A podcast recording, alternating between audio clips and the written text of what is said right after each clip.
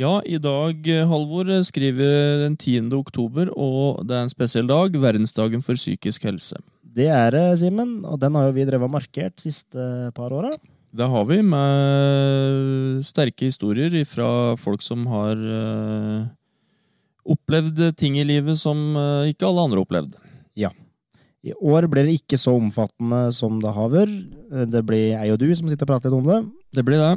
Men vi skal høre noe utdrag fra et foredrag som jeg har vært på i to kvelder nå, som både har vært for barnehager og skolene, helt opp til videregående med ei dame som heter Anne Stine Backman, som er ansatt ved Høgskolen i Innlandet, som tar for seg barn og unges psykiske helse.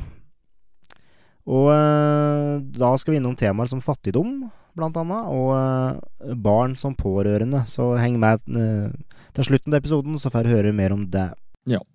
Vi må jo si det at uh, dette blir jo litt uh, kvalifisert synsing fra vår side. Ingen av oss er utdanna innenfor uh, psykologifeltet. Eller innenfor helse, så det blir jo klart litt meningsbasert fra vår side. Da. Men vi har jo jobba med barn og unge i mange år, begge to. Så det kan jo hende det er litt Vi får kalle det kvalifisert. Ja, gjetning, men ja for å si det sånn, det er jo på en måte vi som kjenner kanskje uh, ungene og ungdommene best utenom foreldrene. Ja, det er det. Og vi, um, vi med dem i hverdagen og både får del i deres utfordringer, men òg deres store oppturer, da. Så ja. uh, jeg vil jo si vi kan en del om det, men vi kan ikke liksom diagnostikk Diagnostikisere Diagnostisere. Diagnostisere nøren, eller uh, ja, sett noen bokstaver på noe som helst. da. Nei. Nei, det er riktig. Uh, vi kan jo og eh, si at vi kommer jo til å prate litt ut fra hva kanskje skolen gjør med. Da. Ja. Mm. Og kanskje litt egne erfaringer. Ja. Mm. Eh, noe vi prata om, om, litt før, er jo mobbing. Ja. Der eh, var det jo en sak i Alvdal midt i verden, om uh, det som nå er trinn på ungdomsskolen angående mobbing. Det kan jo være verdt å ta opp at det, syns jeg, så folk uh, får med seg litt av saken. For det ble framstilt litt i Alvdal midt i verden som at det er et mobbetrinn. Og det var faktisk elevene her ganske fortvila over. De hadde fått med seg dette. Mm. For de ønska ikke å bli stempla som et mobbetrinn. Og sjøl om kanskje ikke det var intensjonen å få fram i midt i verden, det tror jeg nok ikke, da, så det, kunne det tolkes sånn. Mm. Så jeg vil bare De er jo ikke et mobbetrinn, men det var noen som øh, øh, hadde svart slik at statistikken kom ut at det var noe mobbing på trinnet. Og det kan nok stemme at det var, men ikke, det er ikke snakk om alle 40 elevene her driver og mobber alle. Nei. Det er litt greit å få fram. Nei, heldigvis da, så er det jo i, i, lav skala at det er mobbing. Ja. Men vi, vi må bare innse det at uh, målet i skolen er jo at det skal være mobbefritt. Og det er et mål som uh, høyst sannsynlig aldri kommer til å nå, men vi, vi, må ha det som mål. Vi kan ikke ha som mål at uh, vi kan ikke være fornøyd så lenge noen blir mobba, så er vi aldri fornøyd med nei, nei. At det er noe mobbing i Alvdalsskolen, og det er det helt sikkert. Ja. Mm. Så kan en jo alltids prøve å grave og se etter uh, hva som er grunnen til at det uh, er mobbing. Og sånn, og det tror jeg heller en aldri kommer til bunns i. Det vil alltid være faktorer som gjør at noen skiller seg ut på en eller andre måten, eller noen føler at de eh, har et behov for å heve seg over andre. Ja, det er mye faktorer her, men det som kanskje er greit å vite, det er jo at det blir tatt veldig tak i og tatt på alvor på, på skolene. Sjøl om det ser ut i kommentarfeltet på f.eks. Facebook at uh, ting ikke blir tatt tak i. Og da kan en jo igjen lure på om mobbing uh, betyr Eller hva gjør de som skriver på Facebook? Mm. Hva er det for noe, da? Hvis de uh, på en måte trakasserer og kommer med sånne hint og insinuerer ting der, om at skolen ikke gjør jobben sin. Mange Altså, ja.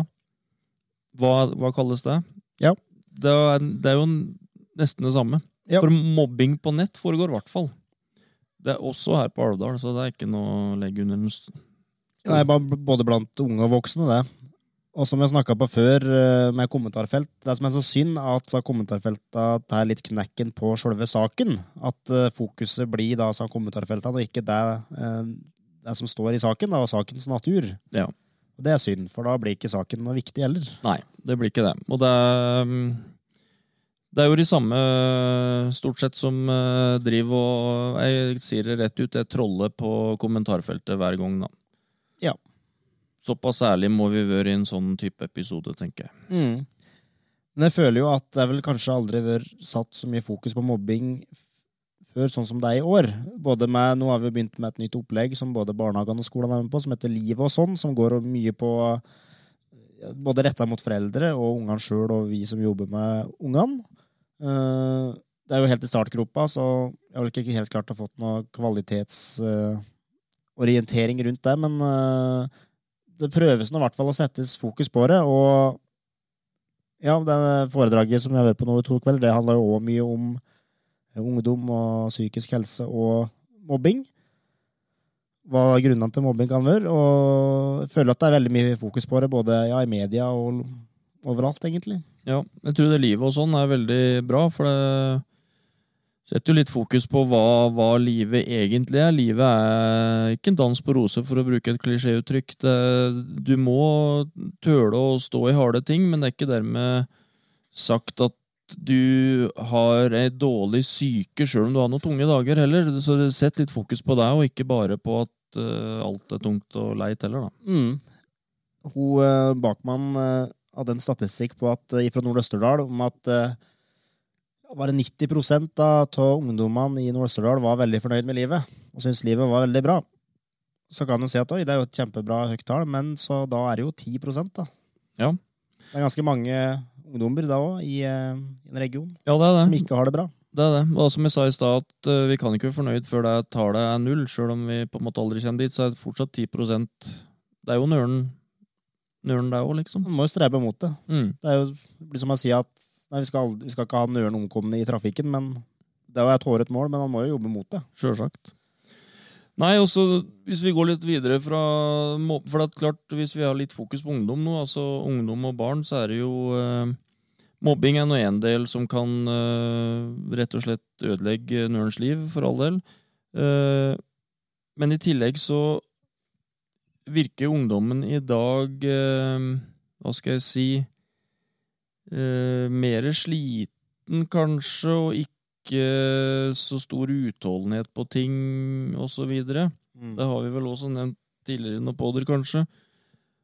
Og, så hva er det som gjør det? Altså, de føler et kroppspress, de føler at de skal gjøre det bra på skolen, de føler at de må ha de fineste tinga. Skal du kjøpe en ny eh, PC, så må det være en eh, Mac, liksom, i visse kull. Du må ditt og datt. Mm. Det òg kan gjøre at folk sjølsagt føler seg nedstemt. Absolutt. Og det er en veldig skummel trend, for det er jo med å skape et klasseskille i større grad òg. For det er ikke alle familier som har råd til å kjøpe det dyreste av alt. Nei, det er Mange må arve. Nå er jo heldigvis det på tur inn igjen, med redesign og arving, men eh, hvis jeg hadde vært 13-14 år sjøl i dag, så er jeg ikke sikker at jeg ville synes det hadde vært så kult hvis jeg hadde kommet med en arva genser etter noen søskenbarn, eller sånn, mens uh, klassekompisene mine gikk i det nyeste av Nike eller Hummel eller Eller hva det er, ja. ja. Nei, det er, det er liksom uh, De er utsatt for et enormt press, uh, ungdommen. Også, hvor kommer det presset egentlig fra? Jeg har jo en teori på at det kommer gjennom sosiale medier. Her. Og at det òg er grunnen til at ungdommen f.eks. ikke har utholdenhet på ting. At de øh, er du på et sosialt medie, så kan du bare skippe videre, eller sveipe, heter det. Sveipe videre hvis det, hvis det er noe som er kjedelig. Ja. Og sånn er det ikke i livet. Noen ganger så må du stå litt harde ting uten å gi opp. mm. Så det, det er å lære seg det, uh, uten å si at du, er, uten at du må gå til en terapist, eh, therapist, som gjør i USA, eller at du må gå til en psykolog. Mm. Det, er noe ungdom må lære. Det, det å stå i ting. Så tror jeg òg media og en har stor skyld i dette.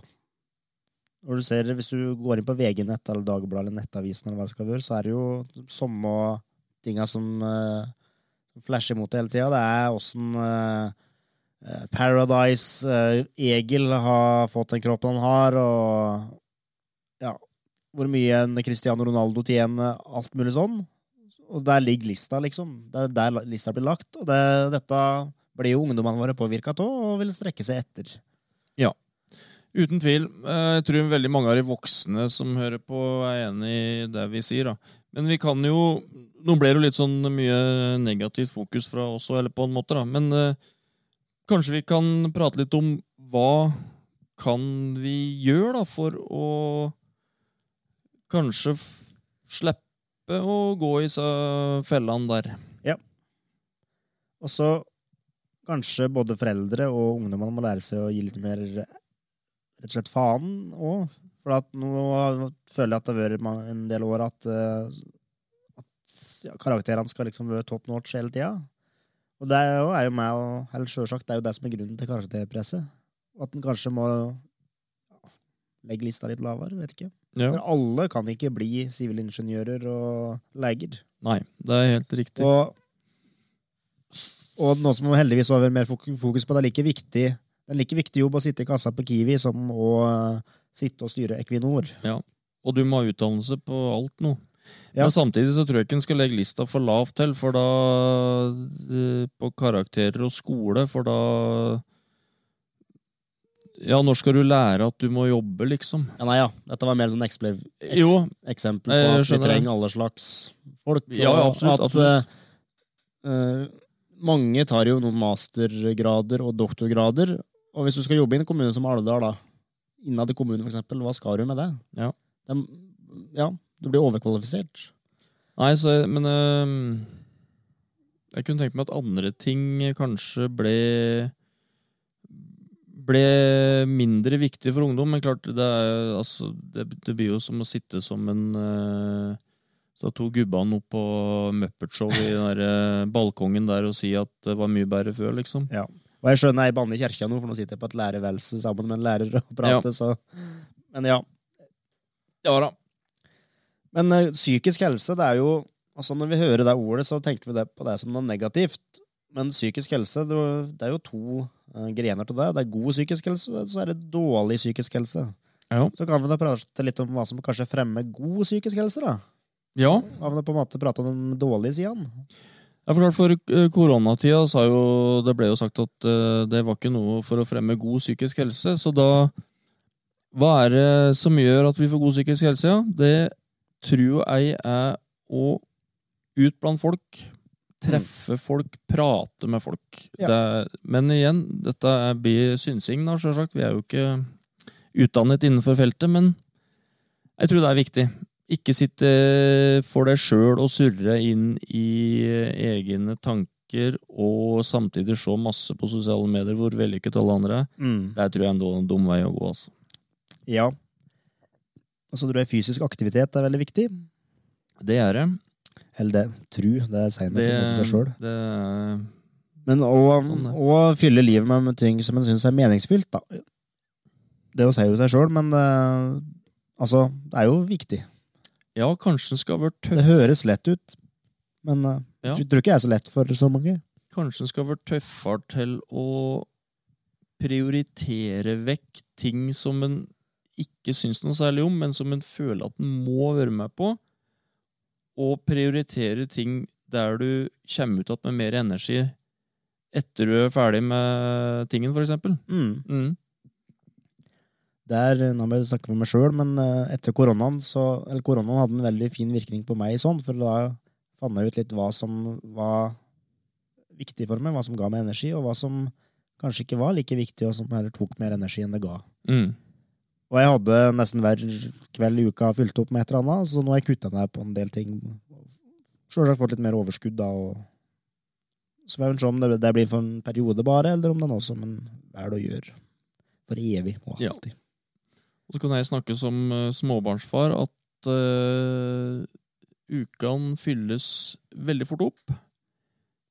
Men det der er jo da for en periode, sjølsagt. Ja. At du må følge opp uh, ungene uh, på omtrent alle ting og stille opp som det ene og det andre. Så klart det tar mange dager i uka, da, altså. Det gjør det. Ja, og alternativet gjør nå at da havner du på den dårlige psykiske helsesida, da, og Ja. fører med mer utfordringer. Så det, det å følge opp ungene sånn er jo sjølsagt eh, veldig artig. Og Ja, ja. At de er med på ting og sånn, da. Men klart det er ikke hver kveld jeg har lyst til å dra på trening eh, med. Nei. Men når jeg først kommer dit, så er det jo veldig artig. Ja da, Mm. det er noen dørstokkmile. Det er noe Som ja. Og da har du mer energi når du kommer igjen ofte.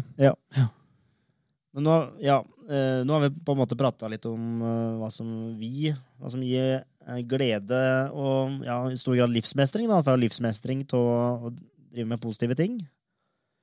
Hva tror du gir livsmestring til ungdommene våre og ungene våre? Jeg tror jo det at eh, det gjelder litt det samme for dem her, da. Å drive med positive ting, ting de syns er artig. Samtidig så er jo denne barne- og ungdomstida litt sånn at uh, Ja, for å bruke min eldste sønn som eksempel, så så syns han det er veldig artig å spille uh, saksofon. Men nå har han lyst til å slutte i korpset sin Mm. for eksempel. Og det syns ikke er greit å gjøre midt i sesongen, så da mener jeg at han skal i hvert fall være med ut sesongen her, da. Yep. Og det er ikke sikkert det gir en glede hver gang han drar dit, på en måte nå. Men jeg tror for det første at han gleder det når han er ferdig, og så mener jeg at han òg må lære å stå i ting. Når du først har vært med på en ting, så må du stå i det mer enn øh, noen få uker, bare. Ja. ja, og det er jo selvsagt en periode i livet, særlig når man er ung, der man gjør en ting, del ting som man syns er kjedelig og trasig. Mange syns jo skole er kjedelig. Men du Det er veldig mange hjem- som syns skole er kjedelig. Ja, Sier de i hvert fall, da. må, men du må jo igjennom det. Altså, kanskje når du blir så gammel som oss, ikke at vi er like gamle, men eh, når vi blir voksne, Ikke skryt på deg en lavere alder her. når du blir gammel, da, så eldre, så ser jo verdien av alt det kjedelige han gjorde da han var liten. Sånn som innenfor musikk og noter og drit kjedelig, men han har jo nytte av det. Samme som å lese. Å lære seg å skrive. Ja. Det er kjedelig når du står på, kan være, men øh, du vil ha nytte av det. Ja. Så, men hvilke andre råd skal skal gi til barn og unge, det må jo Hva skal det bli? En må jo på en måte prøve å snu seg sosiale trendene, da, og Hva skal jeg si? FOMO har jo vært en egen sykdom. Fear of missing out. Og det Ja. tror jeg ungdommene våre lider av i stor grad. Det tror jeg nok. Så det er vanskelig å få dem til å slutte med det, for det er en stor del av livet deres. Men eh, hvis de var kanskje klarer å bli så klok at de tenker at nei, nå skal jeg legge fra meg dette for en periode, og så vil jeg tro at de får et bedre liv. Ja. Det skjer jo veldig mye i løpet av ungdomsåra. Bare hvis du sammenligner nøren som kommer her i åttende klasse, og så tar du de samme personene og snakker med dem når de går ut tiende, så Ja, nei, det er er det ekstremt mye modning som skjer i de tre årene der, altså. Ja. Men uh, dere lærere også har jo blitt mye mer psykologer enn før, og dere er kanskje nesten 50-50 psykologer og lærere nå? Ja, det er klart det er mye prat med elevene om, eh, om livet. Mm. Eh, Det er jeg uten tvil. Så vi blir jo det vi kan kalle hobbypsykologer, da, eller eh, ja, basert på erfaring så gir vi dem råd og Jeg liker hobbypsykologer, for det er jo litt negativt, men gode samtalepartner. da. ja, samtalepartner, kan du si. Så vi jo løser jo på mange eh, utfordringer som ungene eller elevene har, vi også. Vi gjør det. Det blir en naturlig del av det. Spesielt kontaktlæreren detter jo sånt mye på, pluss sosiallærer som er Monia her på huset. da. Mm. Og klart vi, merker vi at sakene blir for eh, heavy til at vi kan løse opp i det, så er jo helsesykepleier eh, Silje akkurat nå her, da. Mm. Så um, ja, vi er en, nok en stor støttespiller for mange ungdommer, ja. Det tror jeg nok. Ja. Og så høres det jo mye sk- skumlere ut nå enn det egentlig er, for at mye av utfordringene som ungdommene har, er jo noe som alle ungdommer er gjennom, og som de må gjennom. Ja, Både pubertet, eh, første kjærlighetssorgen kanskje, og Ja, det er mye greier da, som du bare må igjennom. Ja, det er ikke tung materie alt, det er ikke. Men det er klart det er greit for ungdommene å få høre at det, det her er helt normalt. eh, Ja. Det går over, for eksempel. Da. Mm. For det er ikke sikkert de uh, tror det er når du står midt i første kjærlighetssorgen at eh, da er livet over, liksom. Men det, det vet vel vi begge at det ikke er. Ja, altså, det er jo skummelt, for at det blinker liksom varsellamper nå overalt. At uh, hvis du er litt eh, trist, da, så nei, da er, du, da er du deprimert, da. Ja. Trist er lik deprimert. Mm. Men å være trist det er jo noe som går over. Ja. Deprimert, og Du kan være deprimert og uten å lide til depresjon. Ja, så det, det, det, det, litt, det, det blir nesten for mye fokus på det. vet du. Det er smart å si av oss da, som driver og lager en episode om det, men det kan bli så mye fokus på det, så alle til slutt tror at de Alle finner jo et tegn på at de er litt trist eller lei, eller noe sånt. Ja. I hvert fall mange, da. Og da, da kan det, hvis det blir for mye fokus på det, så er plutselig alle har en psykisk lidelse. Og sånn er det jo ikke, Nei. selvsagt. Men det er viktig å sette, eh, markere sånne dager her for dem som virkelig sliter med dette og lider av. Nettopp, og det skal vi ha veldig stor respekt for. Mm. Men klart, det, det har jo vært litt sånn tabu, sånn som du innleda med òg. Jeg, jeg tror at uh, det at det har blitt mer åpenhet om det, er veldig bra for dem som uh, har en utfordring. da. Ja. Som nå har vi snakka mye om ungene, men uh, foreldra nå har jo et ansvar. Og eh, det er jo flere og flere eh, lærere som jeg kjenner og snakker med, ikke bare her på ungdoms ungdomsskolen, men ellers òg, som føler at foreldrene legger mer og mer ansvar over på dere når det gjelder oppdragelse og ja, sånne litt tyngre, tøffe ting, da. Men foreldra nå, hva vil du si som lærer? Hva er foreldra og foreldre sjøl? Hva er foreldrenes ansvar når det gjelder unger og ungdom og, og psykisk helse? Ja, altså Det er jo foreldrene sitt ansvar å oppdra barnet og lære, eh, la oss si, folkeskikk og den biten der. Det er egentlig ikke skolas mm, først og fremste mandat. At vi skal jo lære dem opp i faga, men vi skal òg lære dem å bli eh, det som før da het gangs menneske. Altså, ja, det heter jo ikke det lenger, da, men uh, så, så det er jo liksom eh, Undre seg og, og spørre og være interessert i det ungene driver med, det tror jeg er veldig viktig. Mm. For både oss lærere og for egentlig alle voksne, ikke bare foreldrene. Spør dem om hva hva de driver med, hva som interesserer, hva de interesserer seg for, og prøv sjøl. Hvis det er Fortnite, som er et spill, da, så spør om det. Sjøl om du nesten ikke vet hva det er. Får dem til å forklare ting. Vis interesse. Da får du en uh, rask tillit hos uh, barn og unge.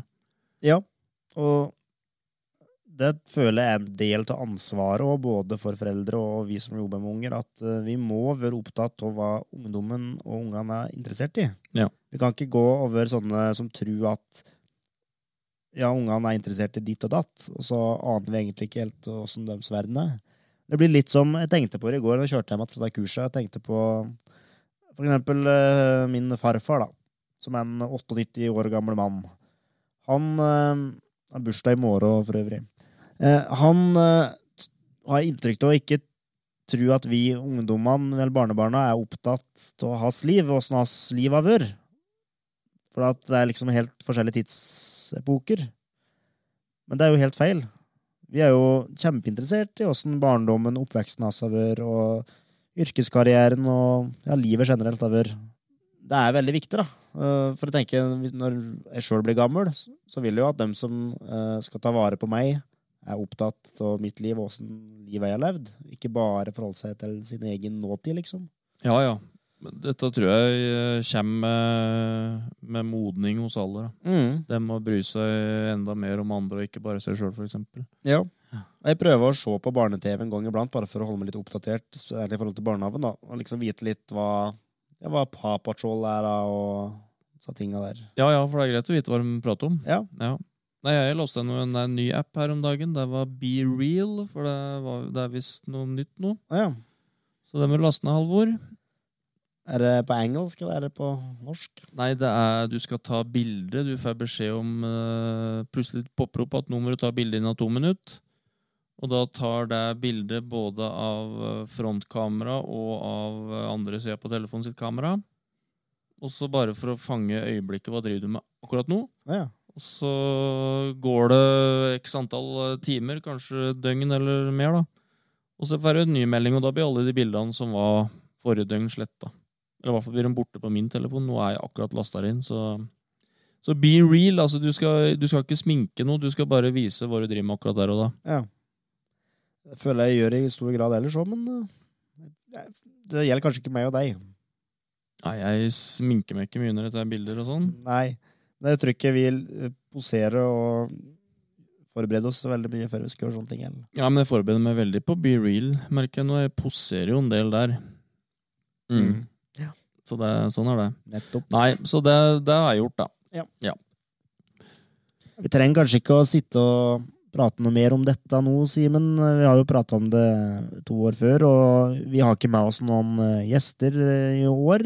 Så eh, det er på en måte begrensa hvor mye vettugt vi kan si om dette temaet her, som vi ikke har sagt fra før. Ja, det er helt riktig, og vi er jo ikke psykologer, som sagt, men eh, vi har jo masse erfaring. Men da kan vi gi ordet til ei dame som har greie på det. I stor grad. Eh, Anne Stine Backman hun jobber ved Høgskolen i Innlandet, og hun hadde et foredrag eh, for oss i barnehagen. Eller ikke bare for oss i barnehagen, men eh, det var et interkommunalt eh, kurs, både for skoler og barnehager og videregående, om psykisk helse og utvikling hos barn og unge.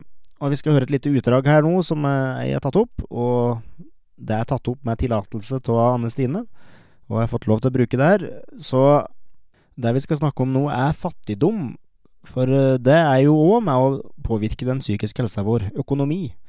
Og her, som i de fleste andre tilfeller, dessverre, så er barn og unge ekstra utsatt. Så her kommer et klipp eh, tatt opp fra det foredraget vi var på. Det er tatt opp med en eh, diktafon da, fra femte rad i Tynset kultursal, så det er litt sånn hosting og sånn, men eh, håper dere eh, får med dere innholdet, for det er veldig viktig.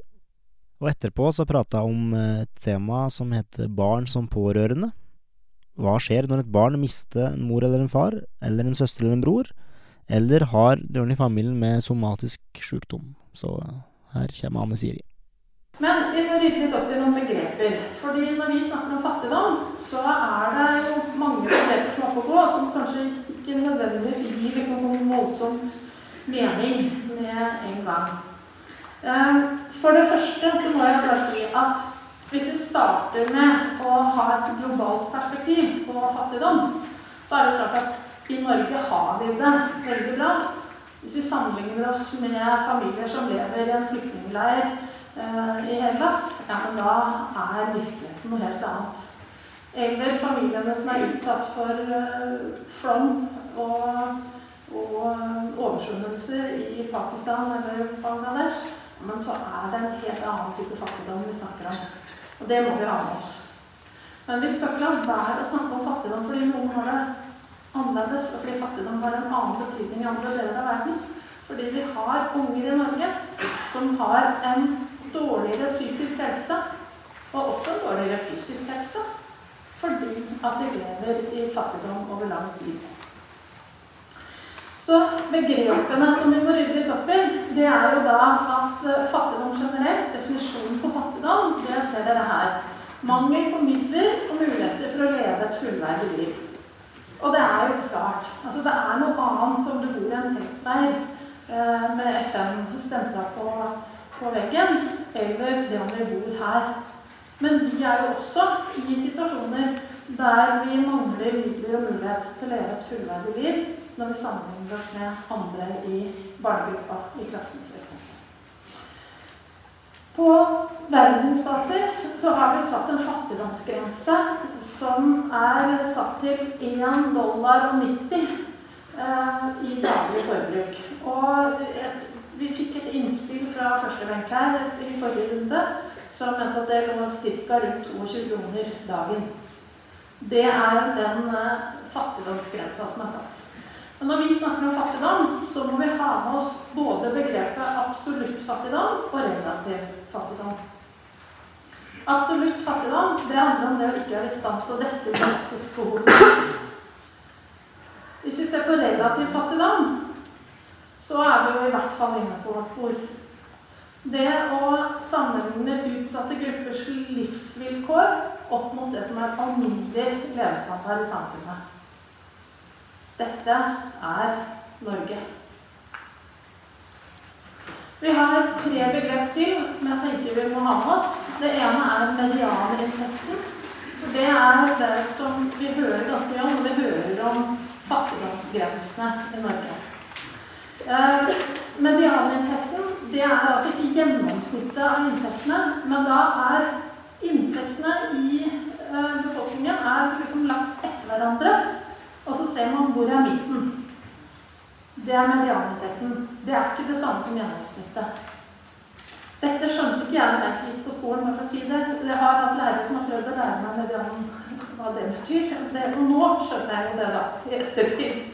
Um, men det er et viktig begrep, fordi når vi snakker om fattigdom i Norge, så snakker vi om lavinntekt, det vil da si 60% av medianinntekten. Det betyr at vi har midten her, med like mye oppover og like mye nedover, og så beveger vi oss et langt stykke ned til den grensa.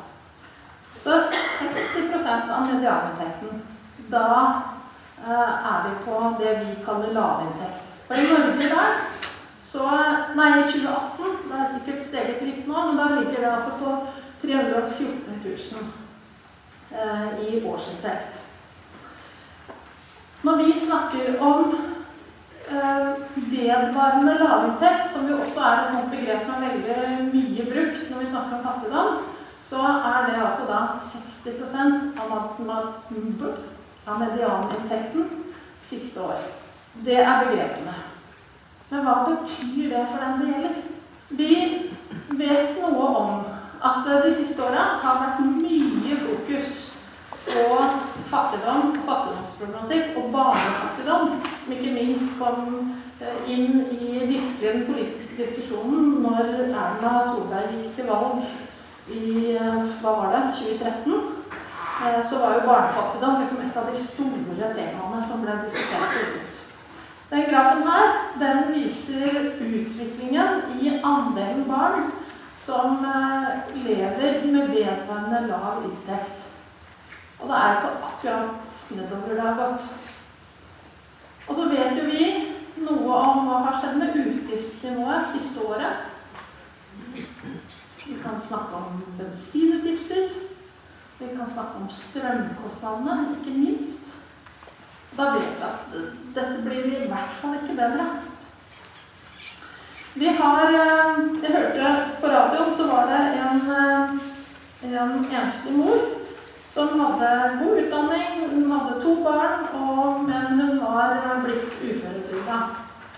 Og hun hadde da eh, Fordi at uføretrygd prisjusteres etter etter normal prisvekst så prisjusteres den hvert år. Og pga. den prisjusteringen så hadde hun gått opp litt, lite grann i inntekt, i trygd. Men det resulterte at hun kom under grensa for å få bostøtte, statlig bostøtte. Og sammen med den statlige bostøtta så utbetales det strømtilskuddet, som er ekstra for sårbare grupper. Det betyr at den bitte lille økningen på noen få kroner hver måned den førte til at reelt sett så fikk hun faktisk flere tusen i lavere inntekt hver måned. Det er en del av det systemet, det bildet som de tegner i dag. Jeg hadde en student som uh, skrev en oppgave uh, som het uh, 'Hvorfor har sko i Norge så mange navn?' Hvis dere tygger litt på den, så er det en ganske interessant tittel på en oppgave. hun kom jo fra et annet land og hadde Eh, ble jo ofte brukt som tolk for eh, foreldrene sine. Eh, og hun sa at når, Hun fikk jo helt tetta når læreren sendte ut melding og sa at vi skal på tur på torsdag.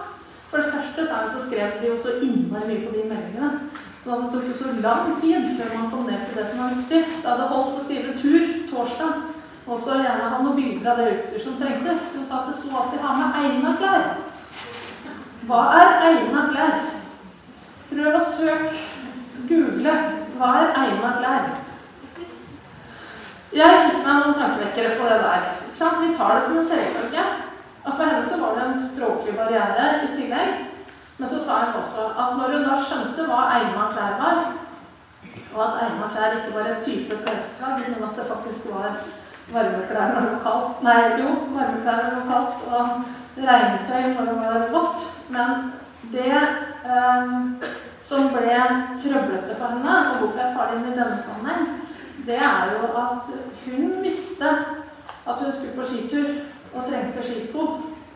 Eh, men hun visste også utmerket godt at foreldrene hennes hadde ikke sjans til å kjøpe skisko til henne. Det var ikke aktuelt i det hele tatt. Og det var lenge før de her utlånsordningene, og før skolen var flink til å ha ski til utlån på skolen. Så egna klær, det må dere slutte med. Dere må si hva det er de skal ha med. Gjerne bruke noen bilder òg som illustrasjon. Eh, men på en måte som ikke er stigmatiserende. Eh, men jeg vet jo mange familier som er oppvokst her i Norge også, som godt kunne hatt en tettere illustrasjon av hva egna klær. For det henger jo også sammen med kultur, med hva vi har med oss av erfaringer, av hva vi har gjort, hvordan vi har eh, lært oss hva vi trenger på tur, f.eks. Men det å være tiåringen som skal beskytte foreldrene og ta ansvaret for at ikke det er penger nok i kassa til å kjøpe skisko. Eh, å være tiåringen som skjuler det overfor foreldrene, og som kommer på skolen og skjuler det for hele skolen også. For det ble for stigmatiserende, det ble for vanskelig å forklare sannheten rundt hvorfor. Så hun kom i småsko, um, tynn jakke, for det var faktisk det hun hadde. Og så ble hun sendt hjem når hun begynte å bli blå rundt munnen. Og det var mye lettere å si at hun ikke forsto, enn å si at mamma og pappa, pappa har ikke råd. Vi vet noe om at det de siste åra har vært mye fokus på fattigdom, fattigdomsproblematikk og barnefattigdom, som ikke minst kom Eh, inn i virkelig den politiske diskusjonen når Erna Solberg gikk til valg i eh, hva var det, 2013. Eh, så var jo barnefattigdom liksom et av de store temaene som ble diskutert ut. Den grafen her den viser utviklingen i andelen barn som lever med vedvarende lav inntekt. Og det er ikke akkurat nedover det har gått. Og så vet jo vi noe om hva har skjedd med utgiftsnivået siste året. Vi kan snakke om bensinutgifter. Vi kan snakke om strømkostnadene, ikke minst. Da vet vi at dette blir i hvert fall ikke bedre. Vi har eh, Jeg hørte på radioen, så var det en, eh, en enslig mor som hadde god utdanning. Hun hadde to barn, og, men hun var blitt uføretrygda. Og hun hadde da eh, Fordi at uføretrygd prisjusteres etter, etter normal prisvekst, så prisjusteres den hvert år. Og pga. den prisjusteringen så hadde hun gått opp lite grann i inntekt, i trygd. Men det resulterte at hun kom under grensa for å få bostøtte, statlig bostøtte. Og sammen med den statlige bostøtta så utbetales det strømtilskuddet, som er ekstra for sårbare grupper. Det betyr at den lille økningen på noen få kroner hver måned, den førte til at reelt sett så fikk hun faktisk flere tusen i lavere inntekt hver måned. Vi skal snakke litt nå om barn som pårørende. Um, og hvem er vi? Vi må starte der. Hvem er barn som pårørende? Per definisjon så er det sånn at når vi kaller barn som pårørende, og de får rettigheter inn i samfunnet vårt, ehm, så er det da barn og unge under 18 år som enten har foreldre eller som har søsken som har psykisk sykdom, rusmiddelavhengighet, alvorlig somatisk sykdom eller skade. Eller det er barn og ungdom som er etterlatte etter døde foreldre eller søsken. Det er definisjonen. Men bak dette så ligger det jo ganske mye. Nå er, vi, er over på et alvorlig tema. Nå skal jeg begynne å snakke litt om ting som helt sikkert treffer noen. Um, fordi nå vil vi begynne å snakke om det å ha klassekamerater som skal dø. Vi skal begynne å snakke om det å ha en mamma eller pappa som ikke du vet om kommer til å overleve vinteren. Uh, vi skal snakke om utfordringer det å ha en uh, far som sitter i fengsel fordi han har drept noen på byen. Dette er temaer som dere havner midt oppi når dere minst aner det. Og det å ha en eh, idé, ha en tanke Jeg har jobba litt med temaene rundt barn som pårørende. tenker jeg også er en sånn viktig brikke av det å jobbe med psykisk helse.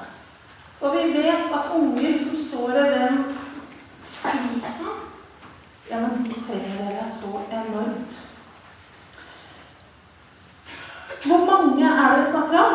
Ja, det vet vi faktisk egentlig ikke. Vi vet at ca. en femtedel av Norges befolkning er under 18 år. Så da, allerede der så begynner det å bli ganske mange. Og jeg er skitdårlig på tall, så jeg skal ikke prøve å lage noe sånt prosent eller anslag i dag. Eh, men vi vet at 240 000 foreldre til enhver tid får behandling for somatisk sykdom eller skade psykiske lidelser eller rusavhengighet i spesialisthelsetjenesten. Det er de som får behandling. Bak dem er det for det første mange unger. Eh, og det er også mange som ikke får behandling. Så vi snakker om mange, dere. Eh, vi vet at eh, Eller det vi ikke vet, er hvor mange søsken som er i behandling. Og jeg da begynner vi å, liksom, da begynner det å bli mer omfattende. Uh, vi vet at uh, rundt 3500-4000 barn får hvert år beskjed om at en av foreldrene har en kreftdiagnose. Det er også ganske mange. Og vi vet at mellom 6000 og 9000 barn opplever at en av foreldrene sitter i fengsel. Og jeg tror at det er mange hos dere som har foreldre i en av de kategoriene her, men som skjuler det. Akkurat som de skjuler fattigdommen. Er dere med? 3000 barn mister en av foreldrene hvert år. Dette får dere midt i fanget. For eh, en del år siden så var det et barn i klassen til en av mine unger som fikk en alvorlig kreftdiagnose. Og etter seks år eller noe sånt som kreftsjuk, så døde han. Der var det jo ikke snakk om bare foreldre og søsken som var pårørende. Der ble det jo på et vis en hel klasse som var berørt og engasjert. Det å jobbe med en gruppe. Det kom opp et eksempel i stad med en uh, lærer som hadde et sykt barn i sin klasse. Uh, og det å jobbe og vite at en av de du har i klassen, skal dø, det å jobbe og vite hvordan du skal ta tak i møtet med ungene som er der, ungene som kommer til å miste en uh, klassekamerat, ja, men det gjør noe med det òg. Det er kjempetøft og ikke enkelt. Men greier vi å ta tak i det? Greier vi å møte det? Greier vi å stå i det? Ja, men da gjør vi faktisk en enorm forskjell for å bygge psykisk helse. Det som skjedde med han eh, som gikk i klassen min, det var, eller klassen til en av mine, det var jo at eh, hele lokalsamfunnet gikk jo rundt og stilte opp. Der var det jo foreldre som for det første ikke fikk pleiepenger så lenge, for de sto en god stund uten inntekt. Det er begrensa du det når du er forelder til et alvorlig sykt barn. Så det var jo en problematikk. Det var et eldre søsken som var kjempebekymra for lillebroren sin. Det var en eldre søsken som alltid måtte vike fordi at hensynet til i hvilken form barnet var i, var det som måtte gå foran. Og det visste han. Jeg har ikke snakka med den gutten om det, men jeg tenker jo at det helt sikkert har vært en del kaos og konflikter i ham også. For han visste det. At det måtte være sånn. Og samtidig så betydde jo det at han måtte vike. Sånn. Men det som skjedde der, det var jo at hele lokalsamfunnet gikk, rundt, gikk inn. De spleisa på eh, opplevelsesreiser. Eh, Rotary, nei det heter ikke det. Lions heter det. Gikk inn og betalte en sånn der liten robotsak som kunne følge klassen fra sykesenga. Og vi fikk, var blant de første som fikk det. Og eh, etter at han døde, så var jo familien aktive og fortsatt med i Barnekreftforeningen og har deltatt masse for å samle inn penger. Og det har blitt samla mye penger og midler. De sto fram i avisa eh, både i forkant og etter at han døde. Og det har på en måte et lokalsamfunn som har løfta og bygd opp under hele det bildet der. Samtidig så var det et barn i den samme klassen som opplevde at uh, en av foreldrene begikk et alvorlig overgrep i rus, og ble selvfølgelig fengsla. Han var en uh, kort periode innom uh, et psykiatrisk sykehus, og så ble han satt inne. Tror du det var noe forskjell? Det var så mye lettere å møte familien med kreft som hadde stått fram, og hvor alle visste, og alle tok del i, og alle foreldre kunne sette seg så inn i den umåtelige sorgen som de hadde. Men for den ungen som faktisk mista faren sin for alt dette, så var jo det et like stort tap for ham. Og hvor vi ikke greide å være med som lokalsamfunn. Ja, da vil eh, vi i Alvdalspodden gjerne takke for at du har hørt på denne episoden her. Og har du hørt så langt, så uh, har du nok vært uh, obs på, på, på, en del tematikk som du kanskje ikke hadde tenkt på så mye fra før. Det hadde ikke vi heller. hvis du har noe vondt tankegods som du går med, så går det an å få hjelp. Da går det an å inn på mentalhelse.no, blant annet.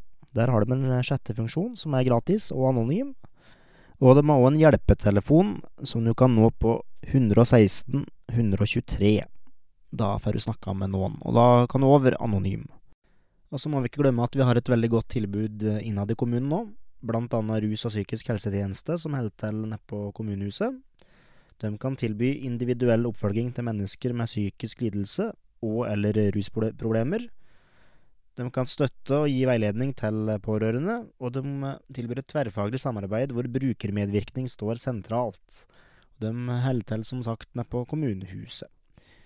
Og for dere yngre, da, ungdom, hvis det er noen av dere som hører på, forhåpentligvis, så er det jo et veldig godt tilbud på skolene rundt omkring òg. Eh, eh, helsesykepleiere som er til stede stort sett hver dag. Så hjelpa er ikke langt unna. og det er heller ikke noe skam å ta det i bruk, så vær så snill å gjøre det hvis du ikke går med noe som er vondt. Tusen takk for at du har hørt på årets episode og årets markering av verdensdagen for psykisk helse.